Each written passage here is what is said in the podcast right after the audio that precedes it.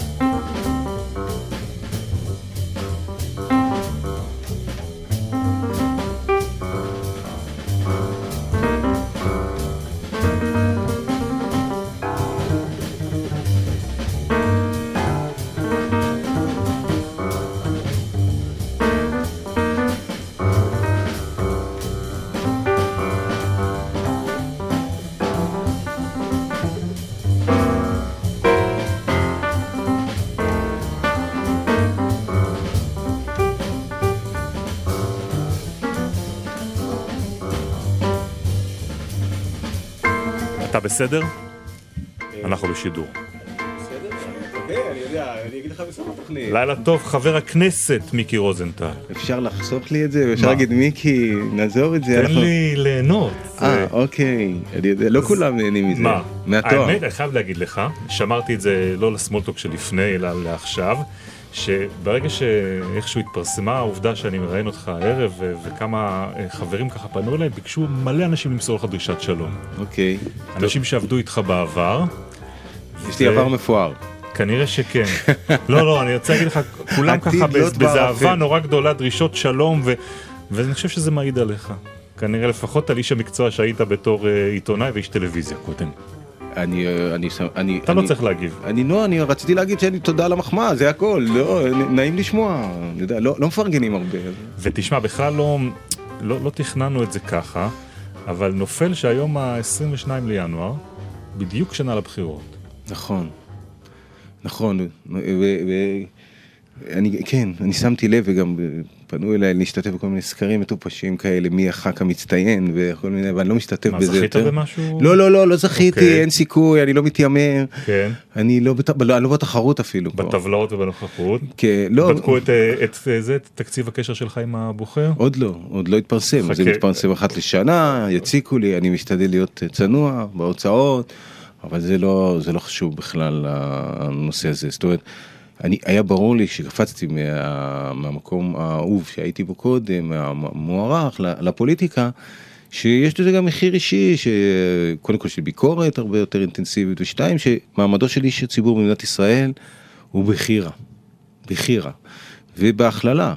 זאת אומרת, יש הרי טובים ורעים כמו בכל תחום, אבל הפוליטיקאים עליהם סטיגמה, אני הייתי מודע לזה, מה זה היית מודע לזה? עזרת לבנות את זה. עזרתי לבנות את זה, ברור, אתה יודע. אני קודם כל יורה לכיוון שאחר כך אני עומד ונעמד בו, כנראה יש לי איזה רצידיביסטי בעניין הזה בחיים, לא משנה. מסובך העניין להסביר, אבל, אבל, אבל אה, היה לי חלק בבניית המותג הגרוע וזילות הציבוריות הישראלית, ועכשיו אני בא לשקם אותה. ומה עשית באמת באותו לילה ב-22 בינואר שנה שעברה, אתה זוכר? אמ, בעיקר הייתי מוגן מחוסר ההבנה של העניין. זאת אומרת, רק נהניתי מזה שהשגתי משהו שרציתי. נהנית.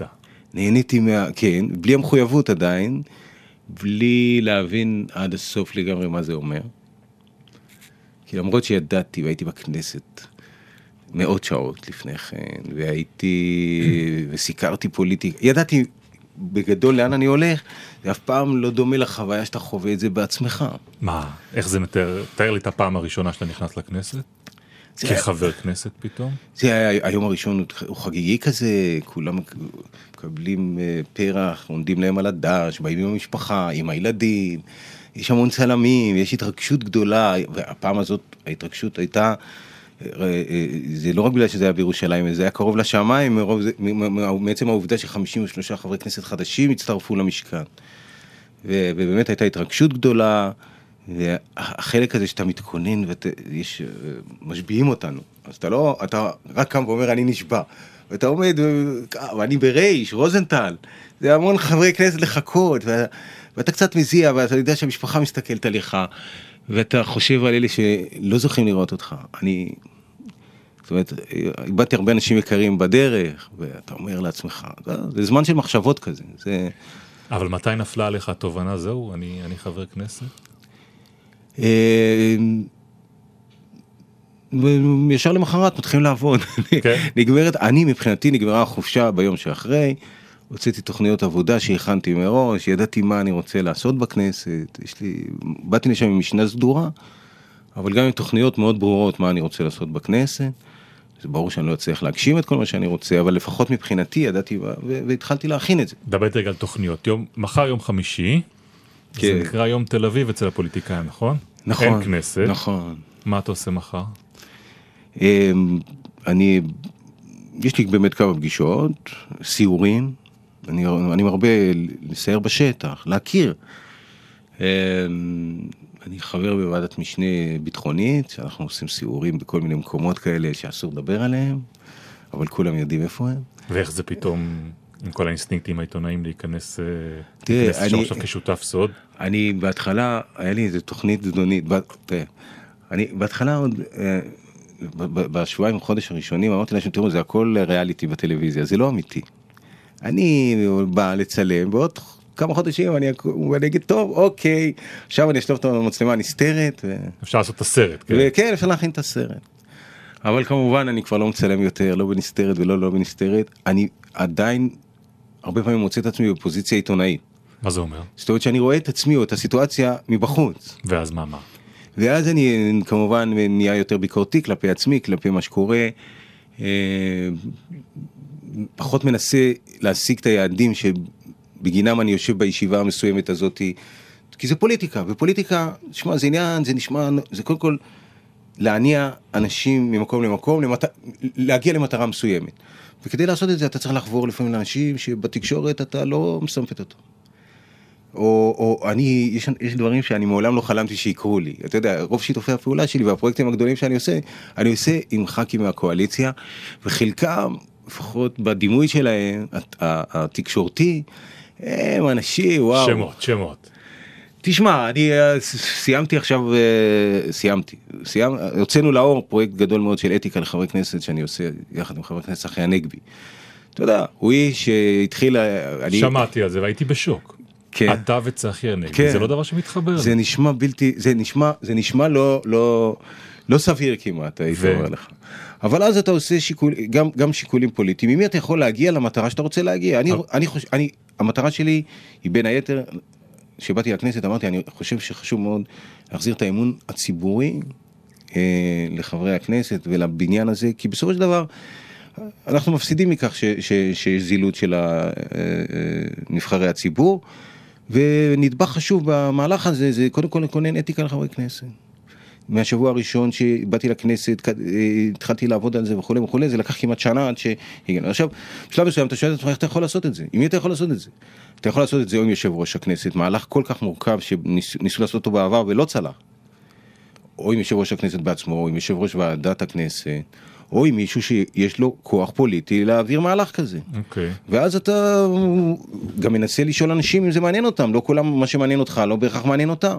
ואז פתאום אתה מוצא את צחי הנגבי, בן אדם שהוא שותף גם לאמונה שזה הכרחי, וגם, לאפשר, וגם, וגם אה, אה, הוא האיש ש- ש- שמאפשר לי להגשים את העניין. והשתנה בך משהו באופן שבו תפסת אותו, ראית אותו בעבר? בוודאי, כי יש איזה רגעים אינטימיים, יש את הרגעים האינטימיים האלה, הקטנים, שאתה יושב ומקשקש ומתחיל חוש הומור, מדברים קצת על המשפחה, ופתאום אתה רואה, תשמע, יש לנו, יש לנו תהום מפרידה בינינו בדעות שאנחנו, לגבי רוב הסוגיות, בוודאי המדיניות, הכלכליות אולי קצת פחות, אבל יש תהום.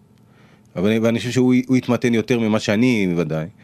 אבל אה, זה לא, אתה צריך להפריד, אני, אני מצליח היום להפריד יותר בין האיש לבין דעותיו. מה שבעבר הצלחתי פחות. אני אשאל אותך על עיתוי אחר. היום, יום רביעי בלילה, זפזפתי קודם בטלוויזיה, ראיתי את המקור בדיוק מסתיימת. גם אני. אתה זוכר את התחושה הזאת של אחרי שידור? בטח. בטח, יש את ה... את הקליימקס והאנטי קליימקס אחרי ומה, ומה, ואחר כך הוויכוחים כמה רייטינג יהיה מחר אה, ואתה יודע במקור זה, זה מקום שקשה הרייטינג. במקור מסתכלים על רייטינג? לא. תמיד, אבל... שאת, תמיד שאתם מתראיינים מדברים על זה שהרייטינג לא מעניין אותנו. לא אבל יש הימורים כמה נמוך הוא יהיה אתה לא אוקיי. אתה, זה בדיוק הפוך. לאיזה תאום, כן, מול מאסטר שף אתם. לאיזה תאומות אפשר כן. להידרדר עוד וזה תמיד הוויכוחים האלה. אה, אה, או הדחקות יותר נכון, וחדר האיפור, וכולם רוצים הביתה. בסוף, אתה יודע, זה תחושת שחרור. ואדרנלין, אדרנלין. אדרנלין לא נותן לך לישון, והמחשבות וזה. לפעמים אתה עוד יוצא עם חברים אחר כך מה, מהתוכנית לעניין הזה. אה, נו, והשאלה שמתבקשת זה אם אני מתגעגע. כן, כמה זה חסר? בינתיים לא, אבל אני מניח שבקרוב כן, או, או אולי תגיע, אני, אה, כרגע זה עוד לא חסר לי. אני תשמע, אני עיתונאי משנת 84. זה 30 שנה. זה הרבה שנים. זה, אני חושב שזה בריא לכל אדם בכל תחום לעשות רענון. כי אתה ממצה בשלב מסוים. אני גם בתוך הקריירה העיתונאית שלי החלפתי כל הזמן אה, סוגות. עשיתי עיתונות כתובה בטלוויזיה, הייתי מאחורי הקלעים ומול המצלמה, הייתי עורך והייתי כתב, הייתי, עשיתי תחקירים ועשיתי סרטים, עשיתי מגוון של דברים גם כדי לא לשעמם, גם כדי שיהיה לי אתגרים חדשים ולא לשעמם את עצמי וגם כדי להתחדש כל הזמן. ובסופו של דבר זו פריבילגיה מאוד גדולה שקיבלתי עכשיו, שאני יכול בכלל ללמוד תחום חדש בגילי המופלג. זה, זה, זה עוד אין לי געגועים לתקשורת, אבל זה, אני, אני כן יודע שזאת אהבת חיי במובן זה שזה כמו אהבת נעורים. זה משהו שגם אם אחר כך יש לך אהבה הרבה יותר בוגרת, הרבה יותר משמעותית, הדבר הזה של אהבת הנעורים... זה העיתונות בשבילך. זהו. כן? כן. זה, זה משהו ש... זה, כן, זה גם משהו שהשקעתי בו את אה, מירב אה, חיי הבוגרים. זה משהו שאני מאמין בו מאוד, אני מודאג גם בקשר אליו. עצם זה שאני מודאג בקשר לעיתונות, אומר שאני אוהב אותה, כי אם לא... אתה לא אומר לא תהיה לי קריירה שלישית. אני לא יודע, אני, אני לא, אני באמת לא כל כך uh, חושב לטווחים כל כך ארוכים. זה פרפרזה על המשפט של, של יאיר לפיד, אתה לא חייב... אה, אה אוקיי. תשמע, אני קראתי לקראת התוכנית הזאת את התחקיר שהכינו עליך, תשמע, תוכנית רצינית, עושים גם תחקירים. אוקיי. אה, תמר ונועם. והאמת, אני התביישתי כי לא הכרתי את הסיפור שלך כמו שהכרתי אותו כש... כשקראתי, זה היה כמעט כמו לקרוא רומן, סיפור חייך. הסיפור הטורקי הזה אתה מתכוון? של החיים שלי? כן. אה, אוקיי.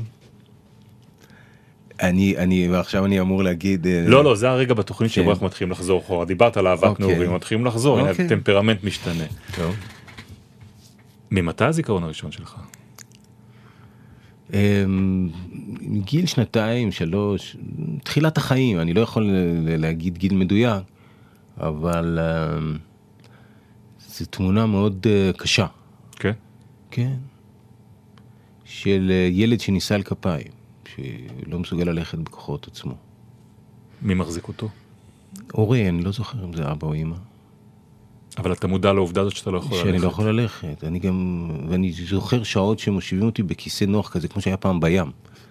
אתה זוכר, היה חתיכת בד כזאת. מרשת כזאת. מרשת שמתוחה אה, בין אה, קרשים. ו, ואני שוכב על הדבר הזה ומשותק. ורוצה ללכת? ודאי, אבל אה, לא יכול, משותק. זאת, אה, זאת התמונה. זו תמונת חיי אולי, אני חושב. זה, אמ, אני, אני חושב שהחוסר אונים של אז הוביל אותי לנסות למצות את החיים באופן, לסלול אותם כמעט. זה מאוד ברור. מתי בעצם התחלת איכשהו להתחיל כן בכוחות עצמך אחרי, אחרי שנה, הייתי כמעט, כמה, כמעט שנה הייתי אה, משותק. זה פוליו. הגוף. פוליו, נכון. איך זה בעצם תוקף? זה נגיף ש, שתוקף את הגוף, בהתחלה משותקים ברוב הגוף. אבל כשנולדים ההתפתחות היא תקינה בהתחלה? כן, וזה, וזה זה נגיף ש, שתוקף אותך, זה הייתה מגיפה גדולה בשנות החמישים במדינת ישראל, אז uh, היו רוב הנפגעים וגם אני. באופן מוזר, מרבית הנפגעים היו באזור רמת גן, גבעתיים. מה, באר מזוהמת או משהו כנראה, כזה? הרי אנחנו היום יודעים שזה בא כתוצאה מזיהומים בביוב. אה, וזהו. אני לא, ברור לי, אני לא יודע איך נדבקתי, אין לי מושג, הייתי אז ילד, וגם גם כשאתה מבוגר אתה לא יודע איך בדיוק אתה נדבק, אבל... אה, אתה יודע אבל בדיעבד להגיד, להגיד איך ההורים שלך התייחסו לזה? תראה, תביא, לא זכיתי לצערי לדבר איתו, ב, ב, כי הוא נפטר כשהייתי ילד, מאוד צעיר. אה, ואני יכול להגיד שאני הולך היום בזכות אמי, בזכות איזה, אה, איזה אינסטינקטים אמהיים שהיו לה. שרוב רוב, רוב הנפגעים ממחלת הפוליו נותחו אז, זה, זאת הייתה הפרקטיקה הרפואית, של הרופא, הייתה רופא אמריקאי שהגיע ארצה מה זה הניתוחים? וניתח את כולם. מה עשו בניתוחים?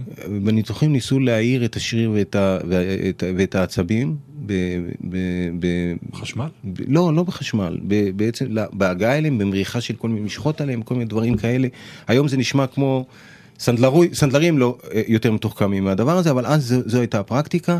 אימא שלי באיזה אינסטינקטים אה, אימהיים כאמור, אמרה לנתח יהיה תמיד זמן, בואו נחכה. והאמת שרוב הילדים שהייתי איתם ברמת גן, באינשנט עם פוליו, זה היה שם, זה, זה, זה נמצא ליד אצלנו רמת גן, זה היה המקום הזה. המקום של אה, בית נכון, אה, ספיבק. ספיבק, בדיוק. לשם הלכת לשם בתור- הלכתי בתור ילד. כל הילדים שהייתי איתם נותחו ואחר כך חזרו עם ברזלים איומים כאלה, שאני לא יודע, היום כבר אני לא יודע אם ילדים זוכרים את זה, אבל כשאני הייתי... כמו פורסט גאמפ כזה. כן, בדיוק, היו ברזלים כבדים כאלה, הברזל עצמו שקל כמה קילו, היו מצמידים את זה, זה בעצם היה הרגל, כי בלי זה אנשים לא יכלו ללכת, החולים, ואני לא יכולתי ללכת, אבל אמא שלי אמרה, יהיה זמן, יהיה זמן, יהיה בסדר. לנתח. ואז אה, כמעט שנה, זאת אומרת, שנה כמעט הייתי משותק, ושנה ניסו לשקם אותי ב- ב- בכל מיני אמצעים פיזיותרפיים, ואז אה, בגיל ארבע, אה, וזה זה קטע ש... או ארבע או חמש, אני כבר לא יודע בדיוק, אבל משהו בסביבות הגיל הזה, תפסו אותי, ואני זוכר את החוויה הטראומטית, וואו, תכף יהיו פה דמעות, שלוקחים אותי וזורקים אותי לבריכה ואומרים, הוא, הוא ישחה, יהיה בסדר, ככה הוא, ככה, הוא, ככה הוא יצא מהמחלה. מי זה זורקים אותי בבריכה? אני לא זוכר, מישהו מדריך, אמא שלי, לא יודע, ההורים שלי, זורקים אותי לבריכה, אומרים לי, אומרים, תתחיל לשחות, ואני בוכה וצורח שאני לא יודע לשחות בכלל וזה, ובאמצעות התנועות האלה, בתוך המים, שמשקל הגוף הוא הרבה יותר קל, בדיעבד, זאת הסיבה שאני היום הולך. ואחר כך שיקמו הרבה אה, אנשים בצורה הזאת בהידרותרפיה. בהידרותרפיה, אז אותך אז- לבריכה? כן, וזורקים אותי, ולאט לאט ככה למדתי לשחות. אה, אה, אבל גם ככה כנראה הצלחתי לשקם באופן חלקי כמובן את, את, את, רוב הגפיים, אבל רגל שמאל שלי נותרה גם קצרה, וגם בקושי יש בה תחושות, ואני מדדה את חיי מאז. באיזה גיל התחלת ללכת? ארבע, ארבע, ארבע וחצי, משהו כזה. אז אמא הייתה לוקחת אותך לבריכה, הבריכה, לפיזיותרפיה, לספיבק, ל... כן, אפשר לצאת לשיר. רצוי. אתה בחרת שיר ראשון הליכה לקיסריה. כן. למה דווקא אותו? אה, קודם כל, כי מילות הפתיחה שלו, שלא ייגמר לעולם, זה, זה משהו מאוד מנחם. והוא גם, אה, הוא גם מזכיר לי אה, חוויות אה, של פעם. אני, אני כבר, אני מבוגר, אתה יודע? אספת אני פתאום משהו, תפסתי כן. את זה. פתאום תפסתי את זה. שאני בחרתי שי- שירים מה-60's, מה-70's, משהו נורא. מקסים. אחריו נדבר על אבא שלך. אז זה הליכה לקיסריה.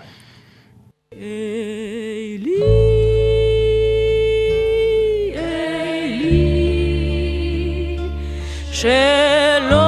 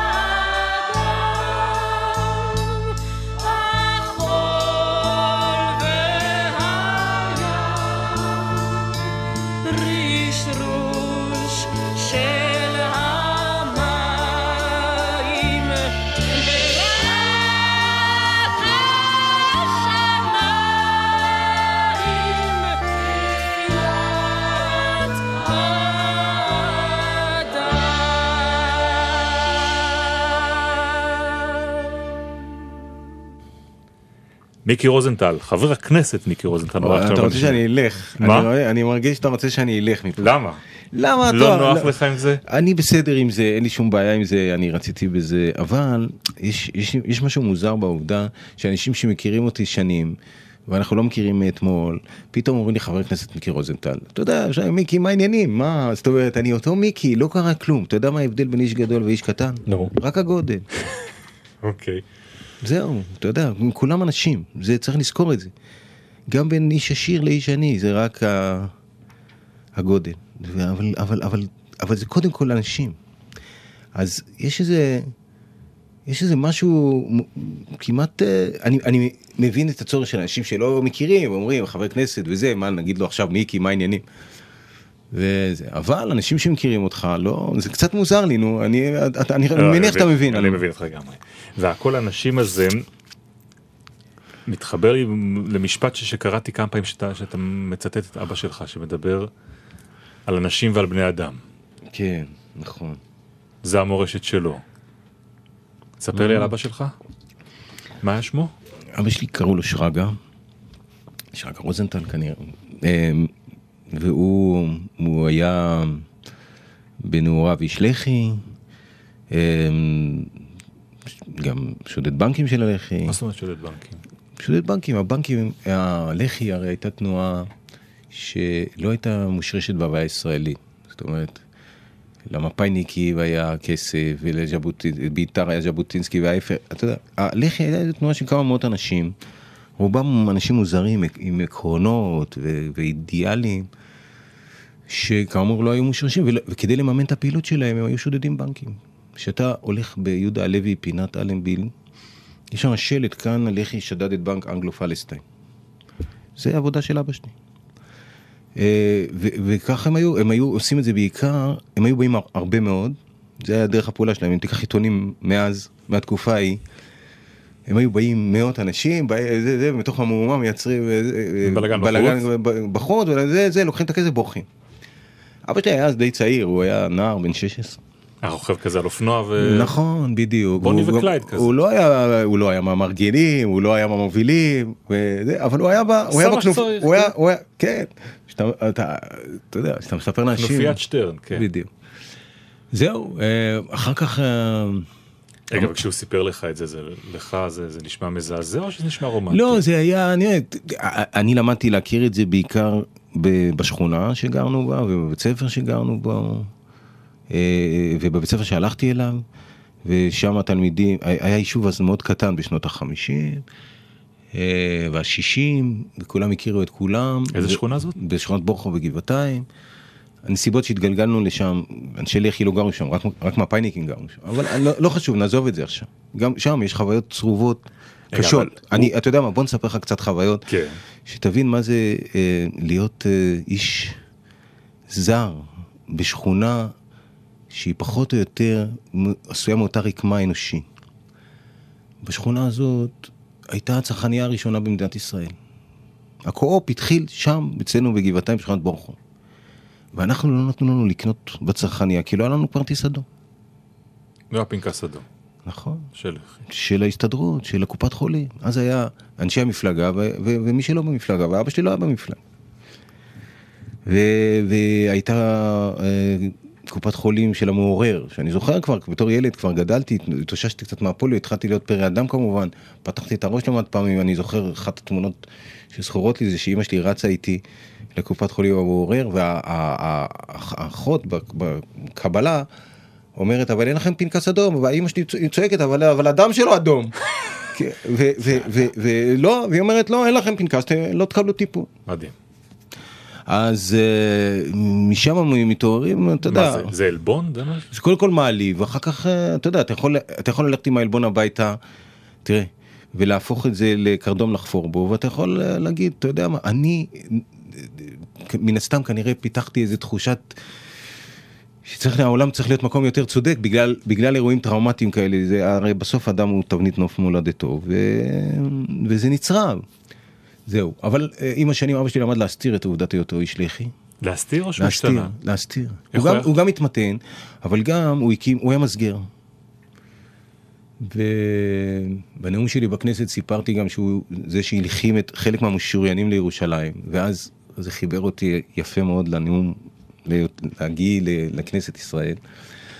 אבל לא, לא ככה אנחנו עוסקים. בין היתר, אז הוא, הוא אחר כך הקים מפעל די גדול שעסק במיכון חקלאי, והוא הכ- הקים לקיבוצים את רוב הרפתות שלהם אז בזמנו, ואת הבתי האריזה הראשונים בארץ, וכולי וכולי, והקיבוצים היו מפאיניקים. אז אי אפשר היה לספר להם את זה שהוא היה בלח"י, וזאת כבר, זה הגיע לפרנסה, ולא רק לפרנסה שלו, אלא גם פרנסה של הרבה מאוד עובדים שלו, והחלק הזה בחיינו הוצנע. אבל ביום שישי, כשהוא יושב על עיתונים, כשמדברים בבית פוליטיקה, היה, פולי... אז היה בית פוליטי, מאוד פוליטי, וכמובן המפאיניקים היו האויבים שלנו. ומה, בגיניסט או... אה, אה, היה- היו שינויים, הוא גם, הוא גם אמר, הוא, הוא, הוא גם פחד עלינו מאוד, אתה יודע, ילדים זה החלק, אתה יכול להיות אמיץ כל זמן לך, ש, שהילדים שלך לא נפגעים מזה. כשהילדים שלך, זה המקום, הרי זו, זו הבטן הרכה שלנו, הילדים. אז הוא רצה תמיד לה, להדיר. אותנו ולגונן אותנו, הוא, הוא, היה מדבר הרבה פוליטיקה כשהוא היה חושב שאנחנו לא שומעים. וכשאנחנו שמענו, בתור ילדים הוא היה, הוא היה אבל אתה אומר שחטפת בבית ספר. אז כן, בבית ספר כמובן שכונה, כולם יודעים שאבא שלי היה בלח"י, ו- והילדים היו צועקים לי בתור ילד, אבא שלך שודד בנקים, אבא שלך שודד בנקים, ואני בכלל לא הבנתי מה זה. אבל חלק מהמורשת של אה, אה, היותך בן ל- לאיש לח"י, היא העובדה שילד יהודי, זה ככה חונכתי, שילד יהודי לא בוכה. זה היה, זה, זה, זה, אבא שלי אומר לי, מה זאת אומרת? אין, אנחנו גמרנו את השואה, שום דבר. ילד יהודי לא בוכה, מרביץ חזרה. זהו. ואסור לך לבכות, אתה לא תבכה. ואני פחדתי מאוד לבכות ליד הילדים שהיו מציקים לי בעניין הזה מפעם לפעם. וזהו, ואז אה, למי שיכולתי להרביץ הרבצתי באמת, ומי שהיה חזק ממני הייתי הולך הביתה לבכות כדי לא לבכות ליד הילדים, שלא יספרו לאבא שלי שלא ירביץ לי מכות, כי פחדתי ממנו נורא. הוא היה איש מאוד חזק. אה, זהו, ואז אה, יום אחד באמת אה, באתי הביתה והוא היה בבית, בוכה, בכיתי וכבר פחדתי מאוד לגורלי, ו... ואז הוא נתן, זה היה שיעור מכונן בחיים על, תראה כמה, כמה מילים דיברתי בשביל לענות לך על שאלה כל כך פשוטה, מה המורשת של אבי.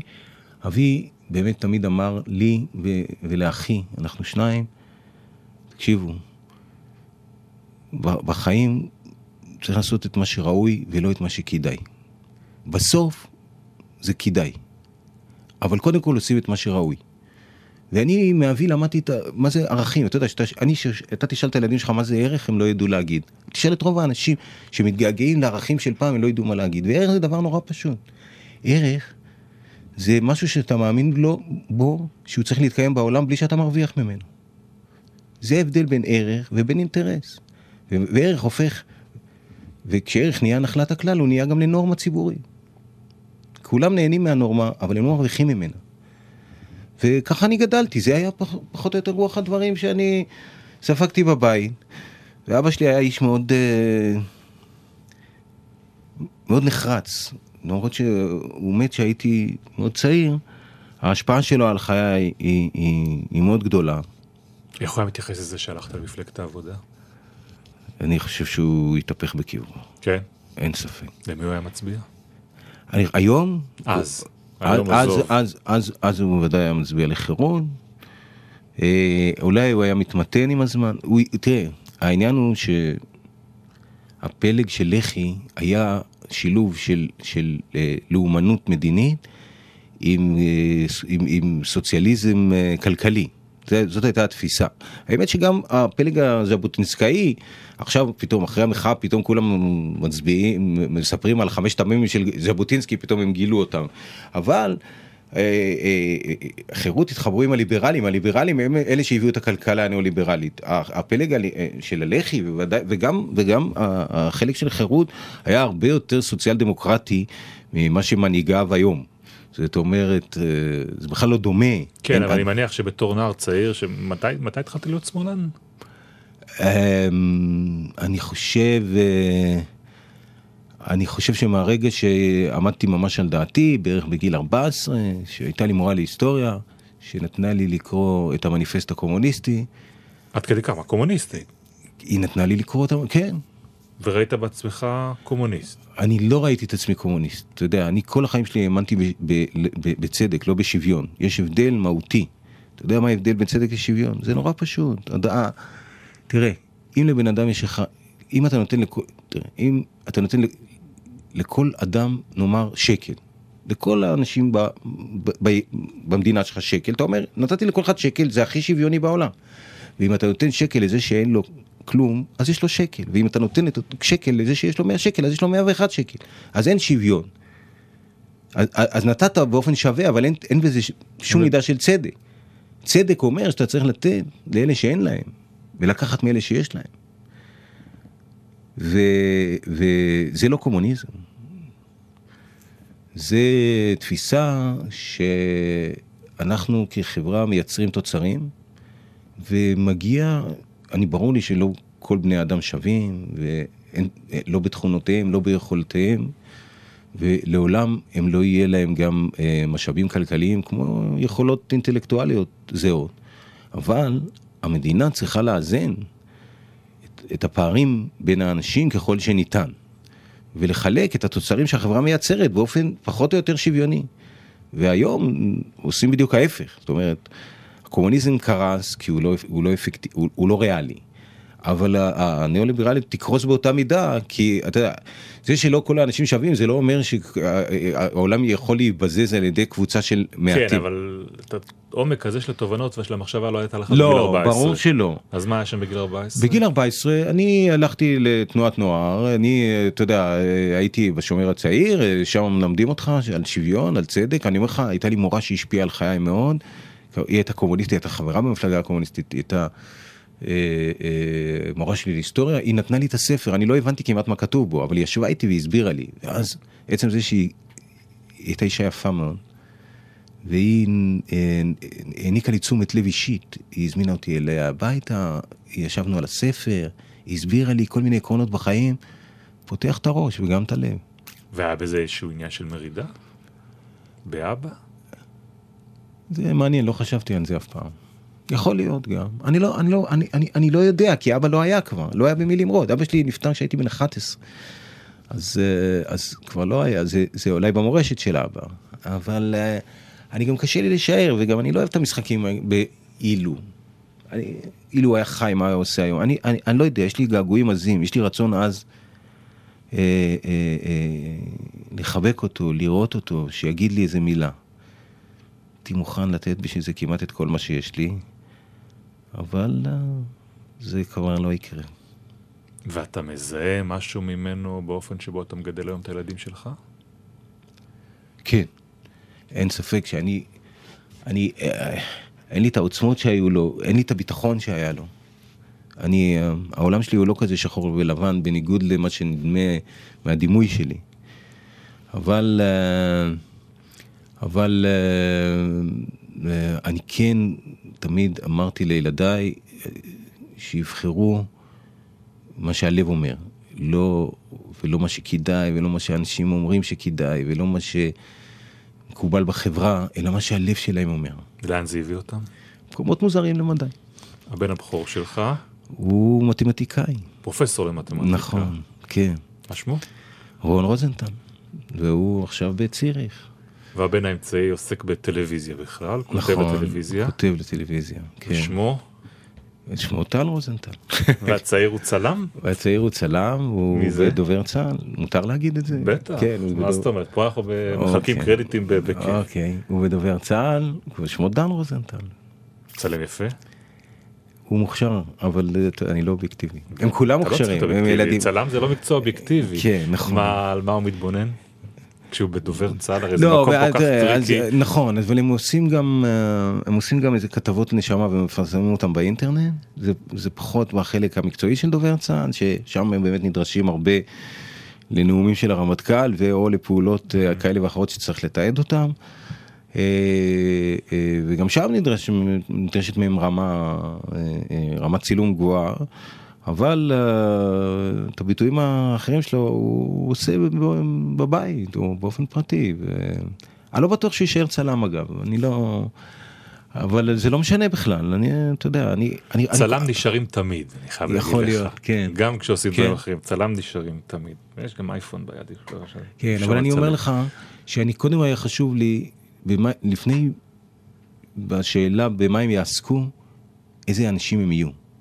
ואני גאה לא על זה שהם באמת כל אחד מהם מצליח בתחומו ו, ומוכשר, אני גאה על זה שהם בני אדם.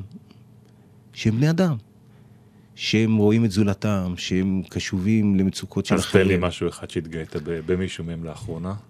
אני לא רוצה לדבר עליהם יותר מדי, לא בגלל שאין לי במה להתגאות, יש לי המון במה להתגאות, אבל אני חושש שמא אני אפגע בפר- בפרטיותם, ואחר כך אני אחטוף בבית את הכל. מי שומע אותנו? 11 וחצי לא, אבל בלילה. אתה יודע, לא, לא, עד כאן.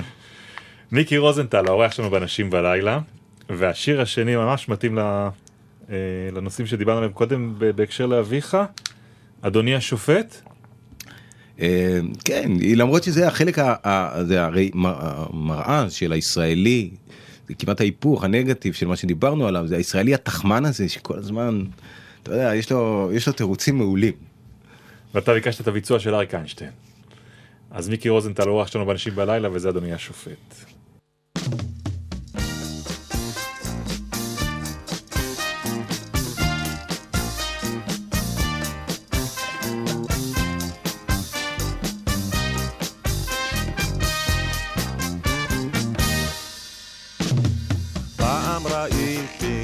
מרפסת בלי אור, טיפסתי אליה לאורך צינור.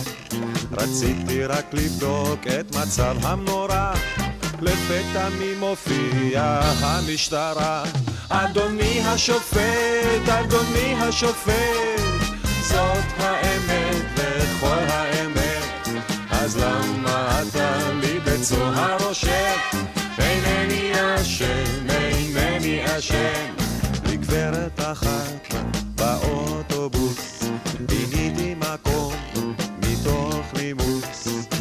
אבל מרוב צפיפות ומחנק, אז הכנסתי לה את היד לתוך הארנק. אדוני השופט, אדוני השופט, זאת האמת וכל האמת. אז למה אתה לי בצוהר רושם? אינני אשם, אינני אשם.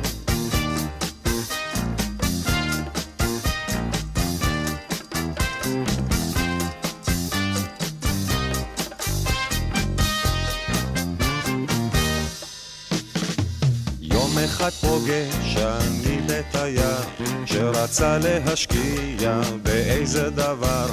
אז מכרתי לו בית שלא היה שלי כי לא רציתי שייסע מפה עם יחס שלילי. היה לי שכן נורא ואיום שלא רצה לחיות איתי בשלום.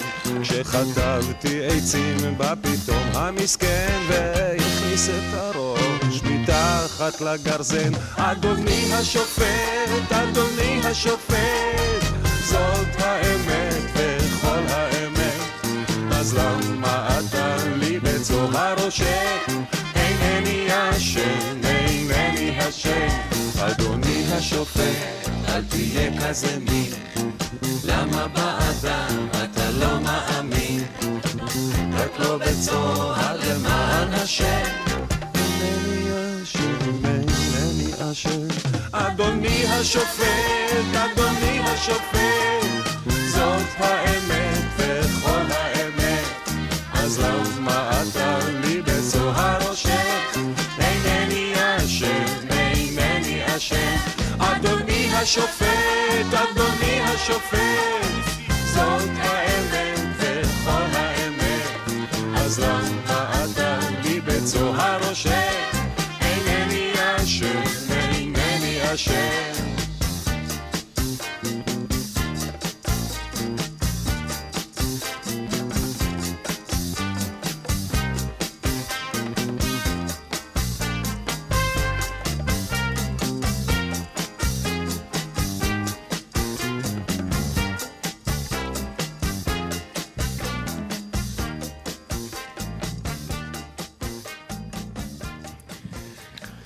11.43 בגלי צה"ל, מיקי רוזנטל האורח שלנו באנשים בלילה, שמת לב איך אני...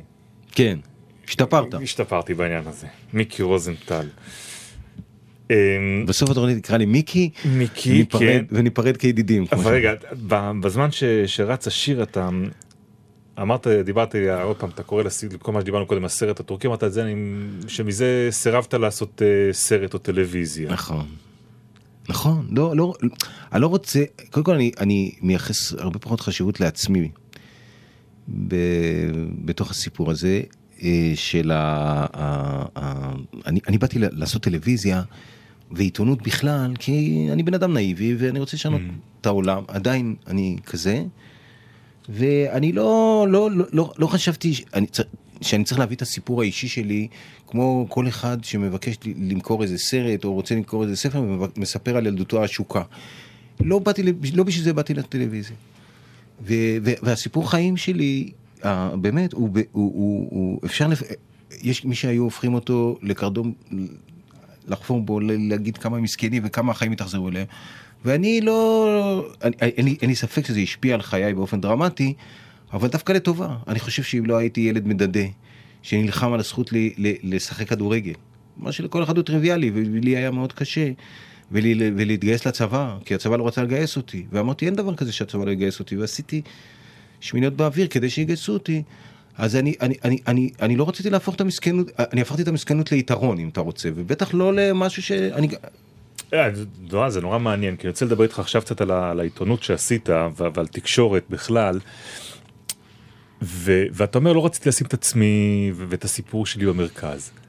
והעיתונות שעשית, בעיקר הטלוויזיה שעשית, לקחה ושמה אותך כל הזמן במרכז. זאת אומרת, אתה דגלת בשיטה שנקראת דוקו-אקטיביזם, אתה בעצם אולי הראשון שהביא אותה לטלוויזיה עם, עם בולדוג זה היה נכון. פעם ראשונה, שאתה האיש שהולך ודופק בדלת ולוקח צד uh, כעיתונאי, וזה אני, מיקי רוזנטל, שדופק בדלת, וכמובן השיא, זה, זה שיטת השקשוקה, הסרט, ש, שבו אתה משלם גם כן מחיר אישי מאוד מאוד גדול תוך כדי העשייה שלו. איך זה מתיישב? כי נשאר המיקי הפרטי בבית. מיקי, הפ- מיקי הפרטי לא בא לעבודה. לא בא לעבודה. אתה לא, לא, אתה, אני, אתה יודע, מעולם לא שמעת אותי אה, מדבר בתוכניות שלי על עצמי, על ביתי, על ילדיי, על מצוקותיי, על, על הביוגרפיה שלי. העקרונות שלי באו לידי ביטוי, הזעם שלי על אי צדק יצא כן, בתוכניות. כשאתה- מתייצב מול כן, עידן עופר ואתה תופס אותו, יש שם איזה סצנה שאני זוכר, אני חושב שזה בבולדוג, נכון. במרוץ סוסים בשבת או משהו כזה. נכון, נכון, אחרי שהמפעל שלו מזהם ואני כועס נורא ואני בא לשם. מה זה, אז- זה לא אתה שם? זה אני לגמרי, אבל זה, אה, תראה, אד, אדם הוא יצור מורכב, מה לעשות. וטלוויזיה זה עולם של דימויים. ואני, הדימוי הזה של האדם, של לוחם, הוא לא מומצא על ידי, זה לא, אבל זה לא, יש, יש למיקי עוד נדבכים. אבל זה דימוי שהיית צריך לסגנן אותו, לאמץ אותו כשבאת אה, לעשות לא טלוויזיה, מסובך הבנת. שאתה... זה לא היה מסובך מאוד, לא הבנתי את זה עד הסוף, הבנתי לאן אני הולך, עשיתי את זה במודע אפילו, בחלקו היה מודע. מה היה המודל? ואתה, מה, מה היה מודע? לא, המודל, המודל מה? היה מייקל מור, האמריקני, זה, אוקיי. ש, ש, שהתחיל בזה בארצות הברית, זה, זה היה מאוד אפקטיבי. ואני, אה, אה, אה, זה, זה פגש אותי במקום שאני קצת הבנתי את חולשתה של העיתונות הכתובה, ואני בא מעיתונות כתובה, ואני אוהב עיתונות כתובה, ואני חושב שזה המקום היחידי כמעט שאפשר לעשות באמת עיתונות אפקטיבית. עיתונות חוקרת. אבל מה החולשה שלה? אבל החולשה שלה זה שאנחנו הופכים לעולם שבו המילים מאבדות את המשמעות. והתמונות מספרות את הסיפור. והרבה פחות חשוב הטיעונים התבונ- התבוניים, והרבה יותר משמעותי הטיעונים או, או התחושות הרגשיות. וכדי להגיע למקום שאני רציתי לשכנע שאני צודק, הייתי צריך לגרום במהלך של אה, בניית דימוי כזה, שאנשים יזדהו קודם כל עם המצוקה שלי. מיקי הקטן שבא נגד הגדולים, הטייקונים, העשירים, המזהמים וה... זאת אומרת, ואז אתה אנשים- כמעט אומר שהדימוי עצמו של מיקי הקטן שבא כבר הופך אותך לצודק. נכון, נכון. ואז אנשים גם הסכימו לשמוע את הדעות שלי. עכשיו אני אספר לך משהו שלא אמרתי אותו כמעט מעולם ב- לגבי העיתונות הזאת. כל הנושאים שעלו בבולדוג עלו כמעט אה, כולם, העליתי אותם בידיעות אחרונות כעורך. כתבנו עליהם. אה, אני, אחרים, היית, היית, הכתבת הסביבתית הראשונה, אני מיניתי בידיעות אחרונות, בחורה בשם יהודית, לא זוכר את משפחתה. הנושאים האלה דיברו אליי, אני כעורך בידיעות אחרונות, והיה לי הרבה עוצמה וכוח, אז אמרתי בוא נרים את הנושאים האלה. שום דבר, לא קרה כלום. כאילו אף אחד לא שמע על התפרסמו זה. ולמחרת לא קרה כלום. לא, לא קרה וכשהם היו בערוץ שמונה, וכשהם היו ערוץ 8, שזה ערוץ נידח, כן. זה בכלל לא דומה לידיעות אחרונות, לא בעוצמה שלו, לא ב... בידיעות אחרונות אז היה כמו ערוץ 2 היום. ב- ב- ב- בתפוצה ובהשפעה כן. ובעוצמה ו- וזה, וערוץ 8 זה כמו המקומון של ראשון במקרה הטוב, ושמנו את הדבר הזה בתוכנית טלוויזיה, שהאופי שלה הוא אקטיביסטי, והדימוי, כמו שתיארנו אותו, ופתאום כל האנשים במדינה התחילו לדבר, או, או חלק ניכר מהם התחילו לדבר על uh, אוויר ועל uh, אנטנות סלולריות, ועל הנזק הבריאותי מהדברה של ירקות. ואני אומר לך, כל הנושאים עלו בידיעות אחרונות אחד לאחד ולא עשו שום דבר, וזה, ואז הבנתי גם את גודל העוצמה של המכשיר הטלוויזיוני. הרגשתי את האובדן של המשמעות של המילים כבר בידיעות אחרונות, בשלהי העבודה שלי בידיעות אחרונות, והייתה לי החלטה לעשות, לעשות טלוויזיה, אבל כשעזבתי את ידיעות אחרונות לא ידעתי לאן אני הולך, אבל הבנתי שהעתיד כבר שם, בטלוויזיה. לא, לא, ו, אבל תוך כדי תהליך ועבודה וה, ועולם הדימויים שדיברנו עליו, הבנתי מה אפשר לעשות ומה צריך לעשות. ואני חושב שעשיתי עיתונות אפקטיבית, גם אם לא עיתונות הכי מוצלחת בעולם, במובן זה שכן שמתי את עצמי במרכז. אני לא אוהב את העיתונות הזאת, שלא תבין, אני חושב שאני לא חשוב בסיפור הזה. אתה לא אוהב אותה? אני מתעב אותה, אני חושב שזה מה, איום גם את ונורא. הדוקו-אקטיביזם הזה? בוודאי. אני הייתי מעדיף שאני אטען את הטיעונים התבוניים, המאוד מאוד מאוד אה, צודקים בעיניי, ויגיד למה זה לא בסדר שאנשים מזהמים כדי להתעשר, וזה ברור לכולם, אבל זה לא עובד יותר. אתה יודע, זה מדהים. כי כשאני הייתי מסתכל על תוכניות האלה, על בולדוג, ואחר כך על, על בולדוזר זה נקרא בערוץ 2, כן. שזה דרש ממך ללכת למקומות הרבה יותר אה, קיצוניים ולהתחפש נכון. ולעשות, אה, כדי להתאים את זה לפריים של ערוץ 2. אני, במבט המפענח שלי כמי שעוסק גם כן אה, במדיום הזה, תמיד הסתכלתי עליך ואמרתי, קשה לו. נורא קשה לו עם הדמות הזאתי. נכון. זאת אומרת, אני רואה דמויות אחרות, אני רואה למשל אה, אורלי וילנאי וגיא מרוז, ברור לי שגיא מרוז יחליף אותך אחר כך בבולדוג, ישב עליו הרבה יותר אה, נכון. בקלות לבוא ול- ולעשות את הבולדוג הזה ש- שהייתם עושים לאנשים. ולך זה כל הזמן היה מרגיש שהיה משהו מאוד קשה. נכון, אני, אני, אני אומר לך בכנות, זה, לא דיברתי על זה בהרחבה מעולם, אבל אני תיעבתי את הדמות. אני חושב שזו עיתונות לא רצויה, אבל הכרחית. כי העיתונות הקודמת, הרציונלית, זו שבונה טיעונים ותבוניים ומבססת את עצמה על מילים, לא, לא, לא עובדת יותר, לא משפיעה יותר. והעולם הדימויים הוא, הוא, הוא העולם שהשתלט עלינו. ואתה חושב שזה טוב? לא. האם זו חברה בריאה יותר? פחות, בעיניי. הי- אבל אני רציתי, אני באתי לעיתונות כדי להשפיע. אם אתה זוכר, ועד כמה היא משפיעה- שלנו. משפיעה היום? תראה, אני חושב שהיא משפיעה באופן מהותי על העלאת אה, סוגיות מרכזיות לסדר היום. זאת אומרת, כשעיתונות מתלבשת על נושא, אז זאת נהיה, זה תהיה שיחת היום. מה שבעבר, וזה זה תפקידה העיקרי. אתה יודע. לפני שבועיים ישב בכיסא שלך גיא רולניק. כן. הוא זכה בפרס סוקולוב, התארח פה ב- אה, בתוכנית, ושאלתי אותו עליך, ושאלתי אותו על עיתונאים אחרים שעשו את השיפט, ואם לא מעניין אותו לעשות את השיפט, לפוליטיקה. מה, למה? כלומר, אני משפיע הרבה יותר מהפוליטיקאים במקום שבו אני נמצא. אז אני אגיד לך למה הוא צודק ולמה הוא גם טועה באותה מידה. הוא צודק ביכולת שלו להעלות נושאים. היכולת שלי היום להעלות נושאים לדיון הציבורי במדינת ישראל הוא הרבה יותר קטן מאשר של גיא רולניק. אני יכול לעמוד על בימת הכנסת, לתת נאום מדהים, אבל המפיקה של רזי למחרת לא תרצה לא, לדבר אם היא לא. מדברת אז אף אחד לא יודע על זה. מבחינת להעלות נושאים. אבל אני יכול לקחת נושא שגיא רולניק העלה, או אתה, או עיתונאי אחר, ולהפ... ו... ולשנות איתו מציאות בכנסת, בלי שאף אחד ידע שזה אני עשיתי. וזה זה, זה, זה, בדיוק הקו שבין היכולת לדבר על הנושאים, להעלות אותם לסדר היום הציבורי, ובין לשנות את המציאות. בעיתונות אתה יכול לפתור לאדם בעיות, בוודאי, אם יש מישהו במצוקה ואתה הולך לעזור לו, מישהו שזורקים אותו מהבית חלילה, או אתה אז ודאי... מה אתה אומר לי, אתה- שצריך לוותר על אגו כדי ללכת לפוליטיקה? לא, לא, לא בהכרח. קודם כל צריך להיות בשל לעניין הזה, לרצות בזה. לא כולם אה, מוכנים לקפוץ לבריכה הזאת. זו בריכה שבה, תראה, בתקשורת, בוא נאמר את האמת, אתה נהנה, אני במעמדי נהניתי מהערכה ציבורית, מפינוק, מ... מ, מ, ו, ו, ואני קבעתי גם את הכללים במידה רבה. אני יכולת קבעתי את לסגור את הכללים. הטלפון מתישהו. כן, ולערוך את זה בחדר אני קבעתי את. הכללים. כאן אני עוד, הרבה מאוד שחקנים על המגרש, אני הרבה פעמים לא קובע את הכללים. הרבה פעמים אני אפילו לא קובע לי את סדר היום, כי מישהו אחר מכתיב לי אותו, ועדיין אני אומר לך שאני מאמין ששם זה המקום שאפשר לשנות מציאות. וזה זה מסובך וקשה, אני לא אומר עכשיו אומר לך זה קל, הנה אני הולך, סוגר קומבינה וגומר עניין, לא, אבל זה מאתגר, זה מאוד מאתגר, אה, וזה המקום שבו מתקבלות ההכרעות, אתה יודע, בעיתונות זה המקום שבו צועקים, ואת ההכרעות מקבלים במקום אחר. תשמע, אנחנו מתקרבים ככה לסוף התוכנית, יש עוד קטע נורא יפה ש... שרצית שנשמיע אינסטרומנטלי, לא נשמיע את כולו ככה, ניכנס uh, עליו ככה עם, עם, ה... עם השאלון, זה אפאצ'י? כן, של נכון, Shadows? נכון. זה ממש, הנער, תראה, הנעורים יפים נורא, אני יכול לספר לך, זה, יש לי פרספקטיבה כבר להגיד לך את זה זה. יכול ש- גם להתנגן ברקע שאתה מספר כן. את זה, כן. אז הנעורים זה משהו מאוד יפה, שכדאי אה, ליהנות ממנו, לחוות אותו, ואחר כך אתה תמיד מתגעגע אליו. וזה בנעוריי, היה, היה זמר שקראו לו קליף ריצ'רד, הוא עדיין חי, אגב הוא היה פה בתל אביב לא מזמן, אני כן. לא הלכתי להופעה, והייתה לו להקת ליווי שקראו לה ה Shadows, והם היו הלהקה האינסטרומנטלית הראשונה ש... שאני שמעתי בחיי, אחר כך היו הרבה, וזה, ואני אוהב אה, מוזיקה אינסטרומנטלית, מאוד, ג'אז, אבל...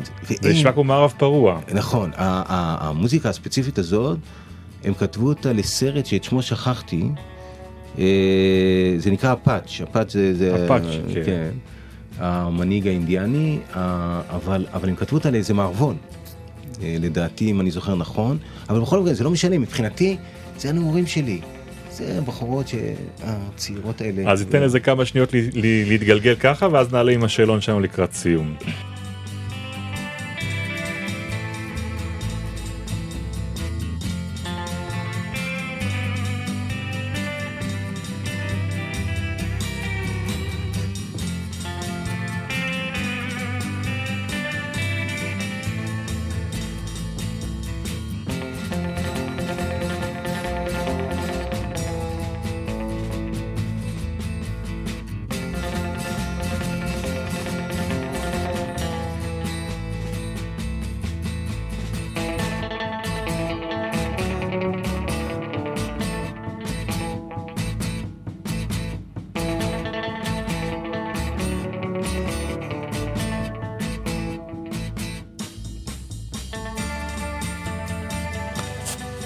אנחנו עם מיקי רוזנטל לקראת סיום באנשים אה, בלילה.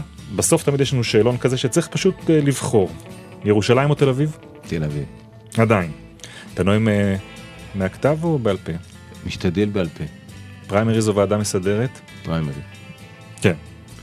מירי רגב או רני רהב? שניהם לא, אז נראה את הבא. יאיר לפיד או ביבי נתניהו? שניהם לא, יש עיתונאים שאתה לא מדבר איתם? אחד. שמות? אמ, קוראים לו קלמן ליבסקי, הוא עשה עיתון, מבחינתי עיתונות ביבים, אין לי שום בעיה, אני כאיש ציבור צריך, אני תחת ביקורת, אפשר להגיד עליהם מה שחושבים ומה שרוצים, ובלבד שהמסד העובדתי הוא נכון. אז זה תחקיר שהתפרסם ועדיין ככה... כן, פגע בי, פגע בי שלא לצורך, בדיעבד גם, אני חושב שהוא יודע שהוא עשה טעות איומה. היית רוצה להיות דמות בארץ נהדרת? לא. לא. לא, אני לא, תשמע, אני לא צריך להתפר... אני, אני כבר התפרסמתי, אני קיבלתי את התהילה שלי בעולם, אני פטור מהצורך הזה. יש פוליטיקאים שעוד נורא זקוקים לזה, אני כבר לא. מי היה התורם הכי גדול שלך בבחירות? אה, רן גפן, אה, עשרת אלפים שקל. מי זה רן גפן? הוא איש שעוסק בזכויות של מוזיקה, אה, מאמין ב- ב- בהרכב מפלגת העבודה. מה היה המקום הראשון שבו הרגשת עיתונאי? אני, הרבה, ש... הרבה לפני שהתחלתי לעסוק בעיתונות. אני, אני, העניין הזה של ה... לנסות לעשות צדק, זה, זה, העיתונות הייתה רק מכשיר, אבל, אבל, אבל, אבל הסיפור הראשון שלי כתבתי על אריק שרון. כן. הייתי עיתונאי, כותב, ככותב הייתי בעיתון העיר, הוא נסע למפעל של אה, גלילי אה, נייר טואלט, ואני עשיתי מזה חוכא ואטלולה, והייתי, הרגשתי נורא מרוצה מעצמי. אז אני לא אספיק לשאול אותך את השאלה האחרונה על הסיפור שאתה מצטער שכבר לא תוכל לצט... לצלם. מיקי רוזנטל, תודה רבה לך על הרעיון הזה. את התוכנית ערכה יפעת שחם, את התחקיר הכינו תמר עמית יוסף ונועם איפן על ביצוע טכני בר ישראלי. תודה לארכיון ידיעות אחרונות ולארכיון החינוכית. ביום ראשון יהיה כאן שוב קובי מידן, שיארח את ריף כהן. לילה טוב, אנשים בלילה. לילה טוב.